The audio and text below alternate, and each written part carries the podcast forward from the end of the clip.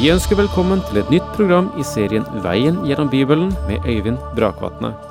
Denne studieserien er produsert av P7 Kristen Riksradio og bygger på serien Through the Bible av Vernon McGee. I dag fortsetter vi med gjennomgangen av Første Mosebok.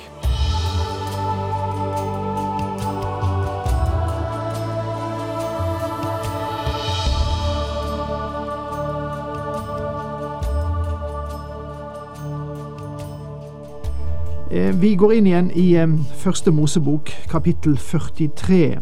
Kapittel 43. Og vi husker fra sist at eh, nå er brødrene til Josef tilbake igjen i Egypt, og de er invitert til middag i Josefs hus. Og det er en spent situasjon for dem, fordi at de undrer på hva vil Josef utnytte denne situasjonen til, denne middagen. Middager har eh, vært brukt til så mangt, også til å skape vanskeligheter, og kanskje det vil koste dem deres liv. I sin engstelse henvender de seg også til tjeneren i huset, og nå leser vi fra vers 18.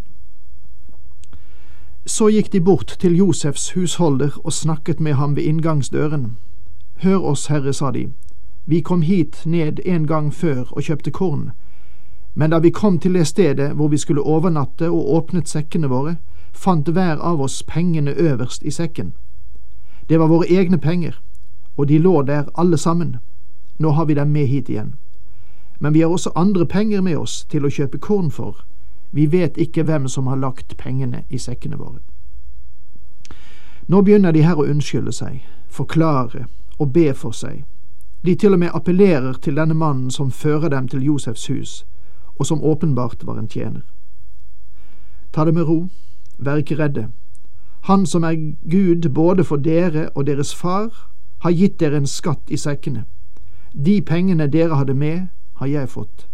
Så førte han Simeon ut til dem. Åpenbart hadde denne mannen gjennom Josefs vitnesbyrd kommet til kunnskap om den levende og sanne Gud. Jeg tror at Josef, i alle fall delvis, hadde innviet ham i hva som fant sted da han sa De pengene har jeg fått. Så jeg kan bare forestille meg at det gjorde brødrene enda mer engstelige. Siden fulgte mannen dem inn i Josefs hus. Han ga dem vann så de fikk vaske føttene, og lot dem få fôr til eslene. Her ser vi skikken med fotvaskingen igjen. Vi så det i forbindelse med Abrahams liv, og så igjen i Sodoma. Det var skikk og bruk i de dager. Så la de gavene til rette mens de ventet på at Josef skulle komme hjem til middag, for de hadde hørt at de skulle spise der. Da Josef kom, bar de inn til ham de gavene de hadde med seg, og kastet seg til jorden for ham. Du husker at gamle Jakob hadde bedt sønnene sine om å ta med seg gaver til mannen. Legg merke til at de kastet seg til jorden for ham, og igjen blir Josefs drømmer fra guttedagene fullbyrdet. Han spurte hvordan de hadde det, og sa, Står det bra til med deres far, som dere snakket om, lever han ennå? Dette er et dramatisk øyeblikk. Josef har antagelig benket seg, ikke nødvendigvis på en trone, men i alle fall i et høysete, idet brødrene bøyer seg for ham. Når de reiser seg, ser Josef dem rett inn i øynene, og de ser på ham. Josef spør, Står det bra til med deres gamle far som dere snakket om? Lever han fremdeles? Josef er svært interessert, fordi han er hans far også. Ja, svarte de. Det er bare bra med vår far, din tjener, han lever ennå. Så bøyde de seg og kastet seg ned for ham. Og her bøyer de altså sitt ansikt mot jorden igjen. Det måtte ha vært fantastisk å hatt et bilde av denne situasjonen, ikke sant? Benjamin er sammen med dem, og han også bøyer seg til jorden. Da fikk han øye på Benjamin sin helbror og sa, Er dette den yngste broren, han dere snakket til meg om? Gud signe deg, gutten min. Josef ser på sin bror Benjamin, sin mors sønn. De andre er hans halvbrødre, men denne gutten er hans helbror, hans mors sønn. Han spør, Er dette den yngste broren, han dere snakket til meg om? Og jeg går ut fra at brødrene nikket. Josef sa til Benjamin, Gud signe deg, gutten min. Hvilket dramatisk øyeblikk. Og Josef klarer ikke å styre sine følelser. Da skyndte Josef seg bort, for kjærligheten til broren blusset opp i ham, og han kjente trang til å gråte. Derfor gikk han inn i sitt kammer og gråt. Jeg antar at han sa til brødrene, Unnskyld meg et øyeblikk, noen ønsker å snakke med meg. Og så kom han seg ut av rommet så fort han maktet det, og han gikk inn i et av sine private rom der ingen kunne høre ham, og gråt. Etter alle disse årene ser han sin egen bror Benjamin. Det er ca. 22 år siden sist. Josef er nesten 40 år nå, og Benjamin er en ung mann. Så vasket han seg i ansiktet og gikk inn igjen. Han gjorde seg hard og sa, Sett fram maten. Dette er et vakkert bilde på noe som fremdeles ikke er fullbyrdet. Jeg håper at du kan se det slik jeg gjør. Profeten Sakarias forteller oss at Jesus Kristus vil gjøre seg kjent for sine brødre en dag. De skal spørre ham om hans gjennomborede side og naglemerken i hans hender, og han kommer til å si dem på den dagen, disse fikk jeg i mine venners hus. Da vil de kjenne ham igjen, og de vil gråte. Han er den ene som har tilveiebrakt frelse for dem. Han er den som ga sitt liv for deres gjenløsning. Dette kommer i alle fall til å finne sted når den Herre Jesus kommer tilbake til jorden. Han vil bli åpenbart for sine brødre, Israels folk. Det vil være en rest der som vil bekjenne ham. Mange av hans brødre trodde ikke på ham da han kom første gang, men denne gangen kommer de til å kjenne ham. På samme måte er Josefs brødre de som overlot ham til slaveriet.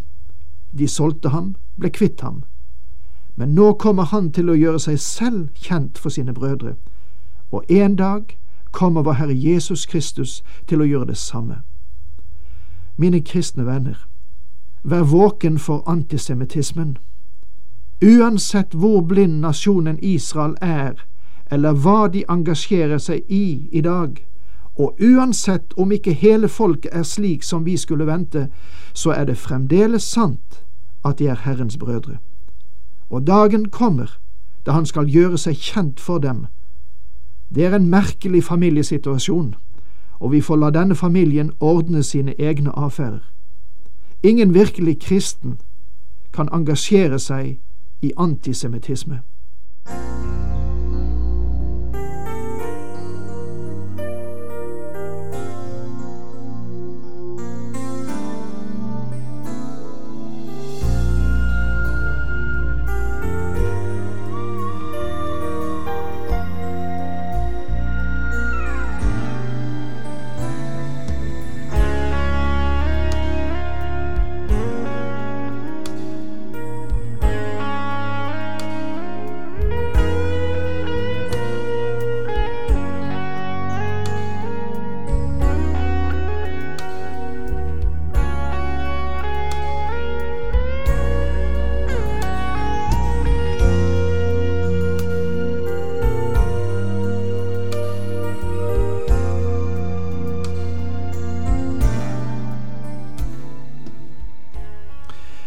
Etter at Josef hadde trukket seg tilbake for å gråte, så gjenvant han følelsesmessig kontroll, vasket ansiktet og vendte tilbake til brødrene. Han sa, La oss spise.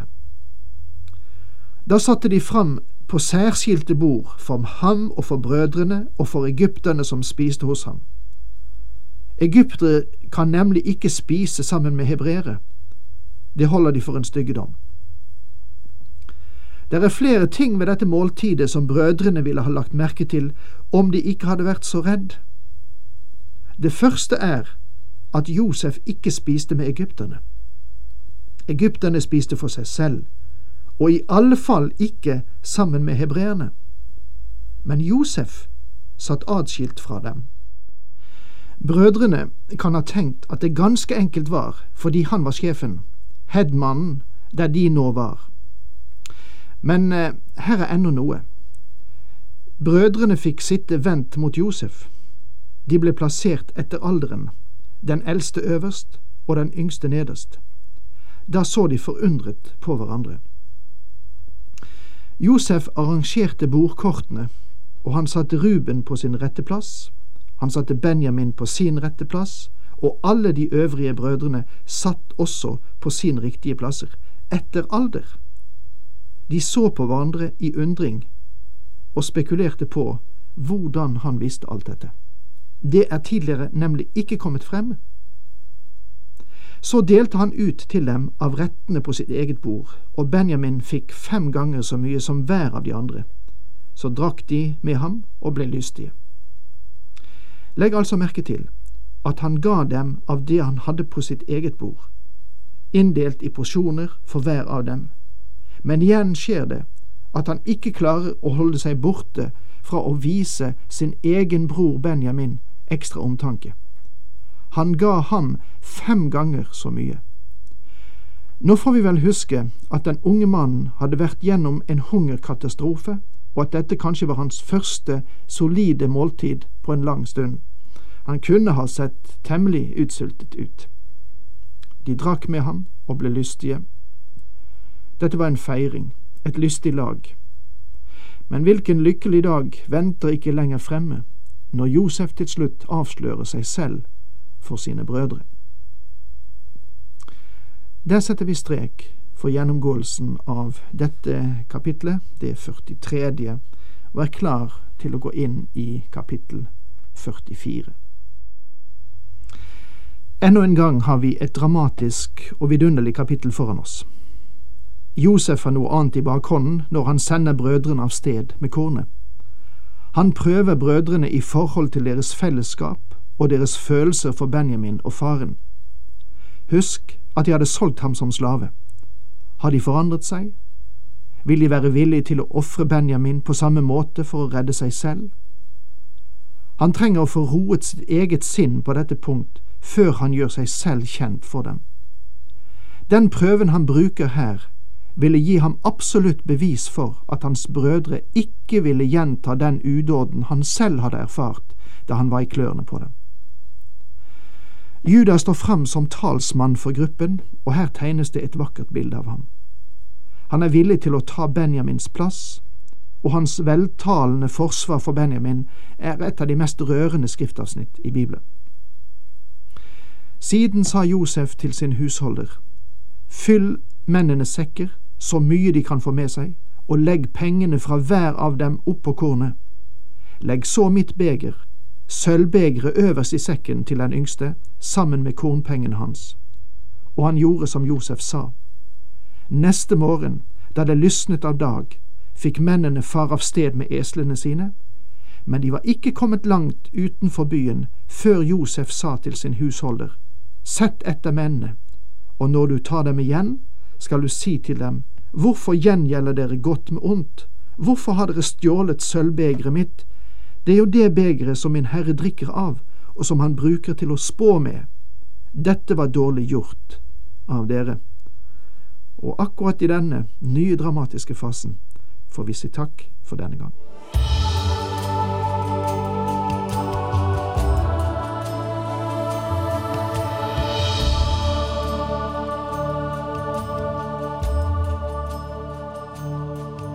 Du hørte Øyvind Brakvatne i studieserien Veien gjennom Bibelen. Serien bygger på et manus av Vern McGee. Har du spørsmål eller kommentarer til programmet, kan du sende en e-post til vgb krøllalfa p7.no. Takk for i dag, og på gjenhør.